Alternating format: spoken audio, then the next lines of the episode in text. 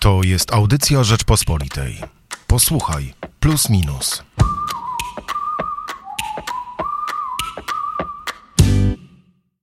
Kościół przeżywa kryzys możliwe, że największy od e, kilku wieków. Kościół polski, amerykański, skandale pedofilskie, które wstrząsnęły e, Kościołem za oceanem, e, protesty przeciwko instytucjom kościelnym i postawie hierarchów kościelnych w Polsce, będące jak, towarzyszące jak gdyby demonstracjom związanym z strajkiem kobiet, to wszystko nakłada się na obraz, który wskazuje na jedno. Kościół w Polsce i na świecie musi się zmienić. I o tym zrobiliśmy najnowszego plusa minusa. Hubert Salik i Michał Płociński. Problem jest bardzo szeroki. Nie tylko statystyki wskazują na to, e, że Kościół ze, swoją, ze swoim przekazem e, przyciąga coraz mniej młodych ludzi, e, ale też wywołuje dużo protestów na świecie i w Polsce w związku z niektórymi E, postawami hierarchów i z nagłymi odkryciami e, zdarzeń, które w kościele, który powinien być strażnikiem moralności, etyki, e, nie powinny mieć w ogóle miejsca. A co dalej z polskim kościołem? Jak myślisz, Michale? No, najciekawsze chyba z punktu widzenia właśnie polskiego jest to, że w tej chwili w centrum tych zarzutów, w ogóle w centrum dyskusji stanęła osoba E, Ojca Świętego Jana Pawła II, człowieka bardzo ważnego dla polskiego katolicyzmu, w ogóle dla polskiej e, historii e, najnowszej, i że ocenia się tę postać dzisiaj wyłącznie przez bardzo prosty pryzmat czyli tego, co zrobił, a czego nie zrobił w kwestii pedofilii. Polski Kościół i polscy katolicy trochę zamknęli się w takiej oblężonej twierdzy i zamiast E, spróbować e, rzeczywiście otworzyć się na te e, za, zarzuty, sprostać im, a może, a może nawet lepiej byłoby poznać po prostu prawdę, w końcu to prawda nas wy, wy, wy, wyzwoli, no okopali się na, na pozycjach, że Ojciec Święty niczego nie mógł wiedzieć, nie popełnił żadnych błędów, a to tylko, mam wrażenie, E, jeszcze bardziej rozjudza drugą stronę. Bo nie oszukujmy się, no, to, nie, to nie jest e, walka tylko o to, żeby Kościół się oczyścił. Zresztą, jak pisze w najnowszym plusie minusie Jacek Borkowicz, po drugiej stronie, po stronie tych krytyków Kościoła, no oczywiście są to mm, zarzuty e, często formułowane e, tylko po to, by Kościół osłabić e, ze strony środowisk kościołowi nieprzychylnych. No to jest dobry moment, który można wykorzystać do tego, by Kościół osłabić. W końcu Kościół w ich e, oczach, w ich postrzeganiu rzeczywistości no jest ostoją patriarchatu, systemu społecznego, który dla nich jest niesprawiedliwy, z którym trzeba walczyć, więc można wykorzystać akurat ten moment, by po prostu zburzyć najważniejszy mit dla polskiego kościoła. Przypomnę tylko, że my w plusie minusie już przed dwoma laty jak zajmowaliśmy się e, oczywiście tymi zarzutami i, i, i, osobą e, papieża Jana Pawła e, II w perspektywie właśnie tego, co się dzieje na świecie, w Stanach Zjednoczonych, kiedy właśnie była sprawa, wybuchła bardzo mocno kardynała, wtedy jeszcze metropolity amerykańskiego, kardynała Teodora McCarricka, już wtedy piórem y, mm, Krzysztofa Mazura e, postawiliśmy taką tezę, że musimy być gotowi na to, że Jan Paweł II będzie z tego rozliczany i musimy sami dokonać rachunku sumienia. Sami musimy zastanowić się nad błędami e, Kościoła, czy Watykanu e, za pontyfikatu Jana Pawła II, czy polskiego Kościoła, który wciąż ma problem, by e, rozliczyć się nie tylko z problemem pedofilii, ale także albo przede wszystkim z problemem tuszowania tych e, spraw e, przez hierarchów. I zamiast uciekać właśnie w ten syndrom oblężonej twierdzy, to sami musimy dokonać tego rachunku sumienia, przestać liczyć na to, że nic się złego nie stanie i że dalej pozostanie ten mit papieża od kremówek, Jana Pawła II, o którym mówi się dobrze, albo wcale. Minęły dwa lata, i mam wrażenie, że nie dość, że nie zrobiliśmy nic w, tej, w tym pozytywnym znaczeniu, czyli nie, nie spróbowaliśmy stawić czoła temu wyzwaniu, to jeszcze, jeszcze mocniej się okopaliśmy, czy po pierwszym filmie Braci Sekielskich, czy po drugim filmie Braci Sekielskich, a jeżeli chodzi o kościół instytucjonalny, o naszych hierarchów, no to ja mogę mówić tylko, tylko za siebie, ale też za wielu znajomych e, katolików, których znam, no jesteśmy, e, czujemy się opuszczeni, czujemy się bardzo rozczarowani zachowaniem naszych dusz pasterzy e, i to my teraz powinniśmy zacząć wymagać od nich więcej. Zresztą o tym też chyba pisze Jacek Borkowicz w znakomitym tekście Pozostanie sól ziemi. A jakie jest Twoje zdanie, Hubercie? z jednej strony oczywiście to, co mówisz o syndromie oblężonej twierdzy, mm, chyba jest faktem, tak jest. Natomiast e, dlaczego tak się dzieje, też jest ciekawym pytaniem. Myślę, że polski kościół e, trochę się zbudował wokół Jana Pawła II e, i to jak podstawowy filar, na którym budował swoją tożsamość. Obalanie mitu, a chyba zaczynamy powoli mieć z tym do czynienia, czy obalanie jakiejś legendy, która jest niekompletna, E, jest e, dla Kościoła ciosem i nie za bardzo wie, jak się Kościoła zinstytucjonalizowanego, e, ciosem i nie za bardzo wie, jak się ma z tą sytuacją, jak się przeciwstawić tej sytuacji, jak w ogóle na nią odpowiedzieć. Pytanie brzmi, czy, o czym też pisze Jacek Borkowicz, czy w ogóle obecne pokolenie biskupów jest w stanie wyjść poza tą skorupę, ten syndrom obronny i przede wszystkim, czy jest w stanie ponieść odpowiedzialność albo wskazać odpowiedzialnych skandali pedofilskich w Polsce, które mm, nie tylko filmy braci Sekielskich e, pokazały. Nigdy jeszcze, mimo tego, że nastroje antyklerykalne w Polsce zawsze istniały, e, głównie były związane z lewicą, nie były te nastroje aż tak silne i Kościół nie może się tylko i wyłącznie wycofywać.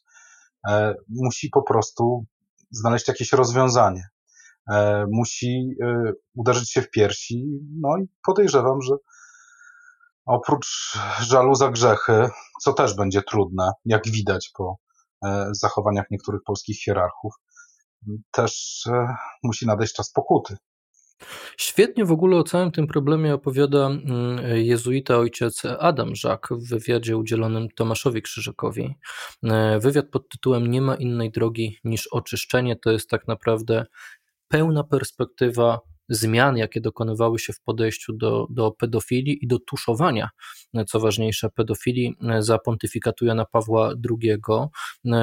Ojciec Adam Żak no, nie ma wątpliwości, że, że Jan Paweł II jednak ponosi odpowiedzialność co najmniej za pewne zaniedbania, ale też pokazuje, daje nam perspektywę, pokazuje, jak to się działo i jak się e, e, to podejście E, hierarchów tych najważniejszych watykańskich, w tym samego Ojca Świętego, zmieniało i jak mimo wszystko e, Kościół, może trochę e, spóźniony, może trochę za mało zdecydowanie, ale jak próbował naprawiać własne błędy. E, I po przeczytaniu tego wywiadu, no, trudno mieć wątpliwości, że jednak e, drogę, którą dalej podążali, czy Benedykt XVI, czy dzisiaj e, Ojciec Święty Franciszek, wytyczył właśnie Jan Paweł II. Czyli to nie jest też tak, że absolutnie nie stawił czoła temu e, problemowi. Dużo większy problem jest oczywiście już z kościołami, e, jak to się mówi, narodowymi. E, w sensie polski kościół rzeczywiście to świetnie widzimy w reportażu, który pojawił się w programie Czarno na Białym stacji TVN Don Stanislao. Polski Kościół no, do dzisiaj nie zmienił swojego podejścia. Wciąż e, kardynał Dziwisz nie ma sobie absolutnie nic do zarzucenia i nie jest w stanie nawet pół kroku e, się wycofać e, z tego, co działo się wcześniej. To jest chyba największy problem, że mimo, że te zmiany w kościele już następują, to my się czujemy, jakby Polska była no, zupełnie niezależna, jakby nas e, to, co dzieje się na świecie, nie dotyczyło, jakby to, że zaufanie do Kościoła na, na, na całym Zachodzie e, już praktycznie legło w gruzach, to, że polscy hierarchowie są przekonani, że w Polsce to się nie stanie, mimo że podążamy drogą Irlandii, że nasi hierarchowie często zachowują się tak, jak zachowywali się kardynałowie amerykańscy w latach 90. To nikt nie dodaje tego 2 plus 2, nikt nie myśli o tym, do czego zmierzamy. No, to też niestety świadczy w pewien sposób o, mówiąc bardzo krytycznie, o formacie e, polskich hierarchów, no bo wydaje mi się, że wiele z tych postaw, które prezentują, nie do końca jest chrześcijańska. E, bo tak naprawdę o nas świadczy raczej to, jak postępujemy, niż to, jakie zajmujemy stanowiska w różnych hierarchiach. I tutaj ten klerykalizm, e, czyli to przekonanie o tym, że będąc e, księdzem, że będąc członkiem struktury kościelnej, formalnej struktury, jest się trochę wyżej od wszystkich innych wiernych, albo nawet znacząco wyżej, jest no, dla Kościoła zgubne. Mm, jednak Kościół jest wspólnotą i wszyscy wierni. No cóż, tak naprawdę powinni być sobie równi. E, nie mówię tutaj o Kościele w takim bardzo socjalistycznym sensie, ale e, wydaje mi się, że e, no, polski Kościół, jak widać nie tylko polski, amerykański też, zgubił po prostu ten związek z, z wiernymi. No, stał się stał się czymś zupełnie odrębnym, idzie własnym życiem. Myślę, że polscy biskupi czują się bardzo bezpieczni, e, właśnie czuli się bardzo bezpieczni do tej pory z bardzo z tych dwóch powodów. Jeden wymieniliśmy, e, czyli zbudowanie tej swojej legendy i siły na, e, zbudowanie swojej siły na legendzie Jana Pawła II. Nawet jeśli towarzyszy temu pomnikologia, mm, czasami mocno przesadzona, jak się przejdzie przez Polskę, co też jest smutne, bo pokazuje Polskę jako kraj jednego bohatera. A, a z drugiej strony jednak coraz bliższe związki z władzą. Te bezpieczeństwo e, wydaje mi się zbyt pragmatyczne. E, zbyt pragmatycznym myśleniem przesłoniło e, Kościołowi relacje z wiernymi. E, I w pełni zgadzam się z tezami Jacka Borkowicza, który mówi o tym, że raczej ta generacja to pokolenie e, hierarchów e, nie jest w stanie zreformować polskiego kościoła, e, co widać między innymi po wywiadzie kardynała Dziwisza, czy nawet po Don Stanislao. No, myślę, że problem jest bardzo trudny. Myślę jednak, że część hierarchów sobie z niego zdaje sprawę, ale nie wie, jak to rozwiązać. Możliwe, że jednym z rozwiązań byłaby, byłoby, mówiąc bardzo kolokwialnie, podanie się episkopatu do dymisji, stworzenie zupełnie nowej struktury, ale myślę, że to przekracza e, odwagę e, polskiego, polskich hierarchów, choć to już się zdarzyło parę lat temu e, w Chile, gdzie biskupi wzięli na siebie całą odpowiedzialność za grzechy Kościoła znaczy, wspólnie. To, to ja tylko dwa, dwa, trzy grosze wtrącę i dwa zdania, że no nie do końca jednak tak było, że, że biskupi chilijscy sami podali się do dymisji. Tej dymisji oczekiwał od nich Ojciec Święty. E, można powiedzieć tak w skrócie, bo to sprawa oczywiście dużo bardziej skomplikowana, że ta dymisja przez e, papieża Franciszka została e, wymuszona. Nie mieli wyjścia, musieli po prostu się podać do dymisji. Nie wierzę w to, żeby, żeby to wydarzyło się w Polsce Polsce, ale coraz y, bardziej widzę, że wielu polskich wiernych y, rzeczywiście takiej mocnej postawy od y, Franciszka oczekuje. Możliwe, że tak się stanie, bo ta lista e, postaci no po prostu z każdym rokiem, a nawet z każdym kwartałem przybywa tych, no, można powiedzieć, grzeszników, a czasami po prostu przestępców. E, od kardynał Pec, kardynał Gulbinowicz, prałat Jankowski, ksiądz Mikulski, e, mm, tuszowanie, które jest w normalnym prawie mm, uważane za współudział. Tutaj też można podać wiele nazwisk, biskup Janiak. Tak, tylko wiesz co? Biskup Dziwisz, no to, to po prostu lista no, przeraża, tak? To... Wszystko prawda, tylko, tylko zauważ, że wciąż większość, moim zdaniem zdecydowana większość, mam nadzieję, że, że, że, że się mylę, e, polskich wiernych no, staje murem za za, za biskupami i za episkopatem. I właśnie w tym syndromie oblężonej twierdzy każdą próbę rozliczenia, naprawy, każdą próbę refleksji nad tym, co się dzieje, traktują jako atak. Tutaj możemy sobie tylko dorzucać przymiotniki. Lewacki, liberalny, antykościelny, antyklerykalny, wszystko jest atakiem i wciąż wierni, tak jak to miało jeszcze lata temu miejsce w różnych krajach, czy w Irlandii, czy, czy w Stanach Zjednoczonych, nie przyjmują do wiadomości tego, że księża tak się mogą zachowywać. Pal licho, że mogą e, e, być pedofilami i dopuszczać się okropieństw na dzieciach. To już ludzie są w stanie zrozumieć, bo widzieli to na filmach. No ale że biskupi, że hierarchii, hier, hier, hierarchia kościelna to wszystko tuszuje, nie chce się rozliczać, przecież tyle pięknych słów pada, przecież cały świat się zmienia. Papież Franciszek tak pięknie mówi o tym, że, że, że, że nie ma zero, że jest zero tolerancji, że, że nie będzie tutaj żadnego pobłażania dla, dla biskupów, więc nasi biskupi przecież nie mogą być tacy źli. Ja bardzo się cieszę, że, że, że ten tekst w plusie minusie, który otwiera cały nasz e, temat numeru pod tytułem Wszystkie grzechy Kościoła napisał Jacek Borkowicz, bo przypomnijmy, że to Jacek Borkowicz jest autorem bardzo głośnego tekstu o e, sprawie proboszcza Stylawy w Więzi w 2001 roku i że to była pierwsza głośna sprawa, e, kiedy zaczęto podejrzewać, e, że kardynał Stanisław Dziwisz e, ukrywa sprawy księży pedofili przed papieżem Janem Pawłem II, to wtedy Jacek Borkowicz starał się o audiencję u papieża, to wtedy dopytywał, e, jak Jan Paweł II e, odebrał jego artykuł w więzi, o której wiedział przecież,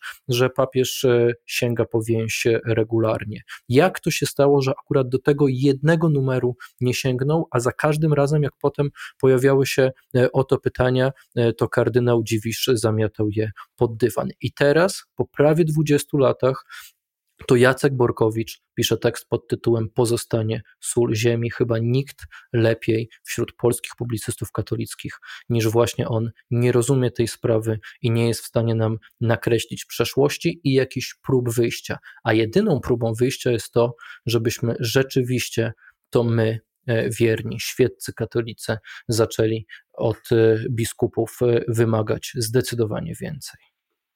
Dwie sprawy. Pierwsze, powiedziałeś, że jesteś w stanie przyjąć, że część wiernych już po tych filmach braci Sekielskich e, i po e, różnych medialnych informacjach e, jest w stanie zrozumieć, że wśród księży też są przestępcy i pedofile. Absolutnie się z tym nie zgadzam. Uważam, że tego nie można zrozumieć, tego nie można akceptować, to jest zero akceptacji i nawet jeśli Kościół nie chce tych e, osób e, wydalić ze stanu duchownego, to już sprawa Kościoła, ale wszyscy oni powinni być już dawno temu w więzieniach, e, bo to jest przestępstwo i to bardzo dużego kalibru. To po pierwsze. Po drugie, trochę wydaje mi się, że istnieje w tym wszystkim że mówiłeś o tym, że wierni mogą nie oczekiwać albo nie akceptować takiego, też mówiąc trochę kolokwialnie, takiej dymisji mm, e, hierarchów, czy części Episkopatu Polski, czy całego episkopatu, episkopatu Polski. E, I dlatego biskupi mogą tak się zachowywać. Uważam, że to pewien rodzaj samooszukiwania się. Dlatego, że jeśli przyjmiemy, ja tak uważam, więc tak przyjmuję, więc to bardzo subiektywne, że biskupi stracili, e, stracili kontakt, wyczucie z wiernymi, z wiernymi rozumianymi bardzo szeroko, a nie tym takim e, jądrem, które zawsze przychodzi do kościoła, ale po prostu z katolikami. Wciąż 90% czy 80 parę procent Polaków twierdzi, że jest katolikami. I dlatego, i to miałoby ich powstrzymywać, no to nie do końca, nie do końca to rozumiem. Powinni teraz e, pójść w drugą stronę. Jeśli nie liczyli się z wiernymi, a moim zdaniem się nie liczyli z wiernymi, to podanie się do dymisji będzie nie, też nie liczeniem się z tą e, twardą, twardą grup, twardym jądrem wiernych, ale no, będzie krokiem właściwym. No, rozumiem o co ci chodzi. E, a jaka jest twoje, e, jak, jakie było twoje wrażenie, jak odebrałeś sylwetkę e, Teodora McCarricka, którą pod tytułem Nieznośna banalność zła przedstawił Tomasz Terlikowski? Przede wszystkim ta historia jest demoniczna. Już dwa lata temu, jak pojawiły się pierwsze, e, pierwsze informacje na ten temat, to trudno było w to uwierzyć, ale to, co się działo w irlandzkich sierocińcach, e, o czym też wcześniej donosiły media, powstało przecież sporo mocnych nawet filmów fabularnych, e, no to już pokazywało pewną skalę no, deprawacji. E, no, trudno zgadzać się na sytuację, w której instytucja, od której przede wszystkim, przede wszystkim jednak, przynajmniej ja, ja jako katolik, wymagam pewnych standardów etycznych i, etycznych i moralnych, ona nie tylko mm, nie zachowuje się tak, jak ja bym oczekiwał, jeśli chodzi o pewne mm, pokazywanie swojej władzy czy obnoszenie się z nią, ale ona w ogóle tych standardów etyczno-moralnych a przynajmniej część z nich, część z księży, część z biskupów e, ich nie trzyma, bo oczywiście nie wszyscy. Patrzymy teraz na to przez pryzmat tych zdarzeń, nie możemy wszystkich wrzucić do jednego, do jednego też kolokwialnie mówiąc, kotła, ale to jest, no to jest bardzo rozczarowujące. Moim zdaniem to wymaga no, pełnej sanacji. E, to, co się stało w Stanach, też jest głębokim rodzajem hipokryzji na poziomie watykańskim, tak bym powiedział. Nie chodzi tylko o procedowanie, e, skandaliczne procedowanie e, sprawy kardynała McCarricka, co Tomasz Terlikowski opisuje, opisuje w tekście e, w plusie minusie pod tytułem Nieznośna banalność zła, ale chodzi też o to, że jeśli Kościół zgodnie ze swoją doktryną E, nie pozwala na małżeństwa homoseksualne, trzyma się, trzymając się tej doktryny, e, jak gdyby wypowiada się, akceptujemy, mówiąc trochę językiem kościoła, akceptujemy inność, nie można nikogo piętnować, ale na to i na to się nie zgadzamy, a jednocześnie okazuje się, że e, w amerykańskim kościele homoseksualizm jest, no, no jest standardem to jest to hipokryzja. Odmawia się, odmawia się jednym pewnych praw w imię doktryny, której się nie do końca samemu wyznaje. No i to są najbardziej bolesne sprawy. Najbardziej bolesne sprawy dotyczą tego, że to, co się mówi, nie współgra z działaniem. No i hipokryzja jest tu najbardziej bolesna. No, w ogóle z tego, co, co rozmawiamy i z tego, co e, piszą nasi autorzy w plusie minusie, mm, można wyciągnąć jeden prosty wniosek, że to my, katolicy, że to wewnątrz e, polskiego e, kościoła musimy wreszcie zacząć dokonywać rachunku sumienia i to my e, musimy zacząć no, zmieniać najpierw nasze podejście, a potem realia funkcjonowania naszej wspólnoty. Hmm, oczywiście teraz, no już to robimy to pod presją ataków z zewnątrz, ale chyba nie powinniśmy się tak bardzo skupiać na tym, co co uważają ludzie spoza kościoła, jakie jest ich podejście, jakie są ich e, oczekiwania, tylko sami musimy wziąć po prostu za to odpowiedzialność. Mniej skupiać się na wrogach kościoła, którzy rzeczywiście starają się w tej chwili e, dla własnych celów, dla własnych wyobrażeń e, temu kościołowi zaszkodzić, a bardziej skupiać się sami na sobie, bo to jest naprawdę moment rewolucyjny. Moment, tak jak. Wiesz, to co mówisz, to tylko będzie utwierdzać postawę oblężonej twierdzy bo tak naprawdę no, nie możemy słuchać tylko samych siebie. Jeśli nie słuchamy tych z zewnątrz, tych krytycznych głosów z zewnątrz, no to po prostu jesteśmy w takim wielkim oblężonym zamku. Ale nie, no te głosy po prostu, które zawsze były, co najmniej od 20 lat w polskim kościele krytyczne, które były uciszane, one teraz muszą wybrzmieć. No największym problemem jest oczywiście to, powiem to bez ogródek, że większość zdecydowana większość, a szczególnie tych najbardziej po, poczytnych pism katolickich, to są pisma wydawane przez diecezję, gdzie nic e, poza, bez wiedzy e, e, hierarchów nie może się ukazać. I tam właśnie od 20 lat tłamszona jest ta krytyka tego, co się dzieje w kościele. To musi się zmienić. Ta krytyka musi zacząć być traktowana serio, ona musi wybrzmieć także wewnątrz kościoła. Tylko o to mi chodziło, bo no niestety to, co mówi profesor Rafał Matyja, Elizie Olczyk w najnowszym plusie minusie, że czeka nas no, rewolucja w stosunkach państwo-kościół, że te zmiany, które zaszły naturalnie, patrząc na najmłodsze pokolenie, że te zmiany, które, których katalizatorem okazało się orzeczenie Trybunału Konstytucyjnego w kwestii aborcji, te zmiany, które nakręcają protesty strajku kobiet, doprowadzą do tego, że przy zmianie rządów, przy następnej władzy obudzimy się w zupełnie innym świecie i my musimy się już na to przygotować, a nie to, co krytykuje też Janek Maciejewski w najnowszym plusie minusie, a nie przyjmujemy taktykę dobry papier, źli bojarzy i jedyne co robimy to bronimy Jana Pawła, czując, że to jest jakby ostatni majątek, który nasz Kościół ostatnie aktywa, które polski Kościół po, po, po, posiada. Nie, musimy uwierzyć w to rzeczywiście, że prawda nas wyzwoli. Ale poza tym, że zrobiliśmy bardzo duży blok o kościele, mamy też teksty dotyczące ostatnich wyborów amerykańskich. Tak naprawdę dwie sylwetki napisane w trochę różny sposób. Sylwetkę Joe Bidena, e, katolika, drugiego katolika w Białym Domu po e, Johnie F. Kennedy i Donalda Trumpa, analizę tego, co doprowadziło go do upadku pióra Piotra Zaręby. Polecamy Państwu wizytę w kioskach oraz stronę RPPL. Michał Płociński i Hubert Salik. Słuchaj więcej na stronie podcasty.rp.pl. Szukaj Rzeczpospolita Audycje w serwisach streamingowych.